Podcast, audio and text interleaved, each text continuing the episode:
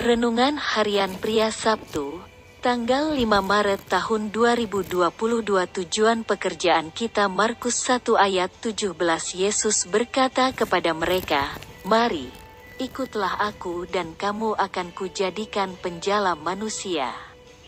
Simon Petrus, Andreas, Yakobus dan Yohanes dipilih oleh Tuhan dari orang-orang biasa menjadi alat di tangan Tuhan. Dan Tuhan menjadikan mereka dari penjala ikan menjadi penjala manusia.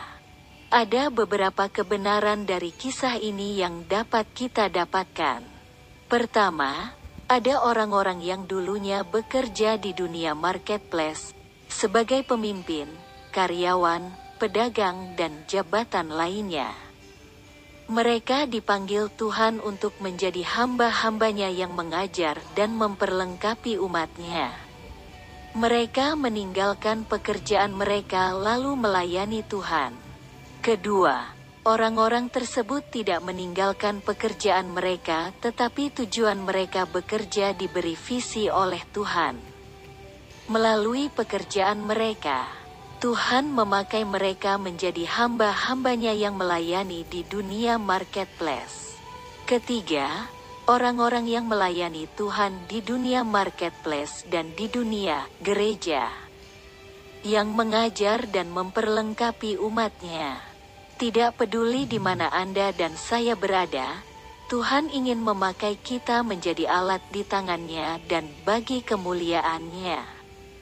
Tuhan mau memakai kehidupan kita untuk membawa orang-orang lain datang dan percaya kepada Yesus. Anda dan saya di dalam Kristus adalah penjala-penjala manusia.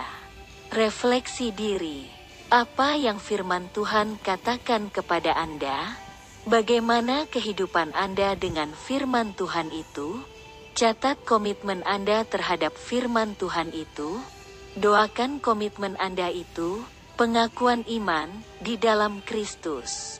Saya adalah penjala manusia yang dipakai oleh Tuhan membawa orang-orang lain percaya Yesus.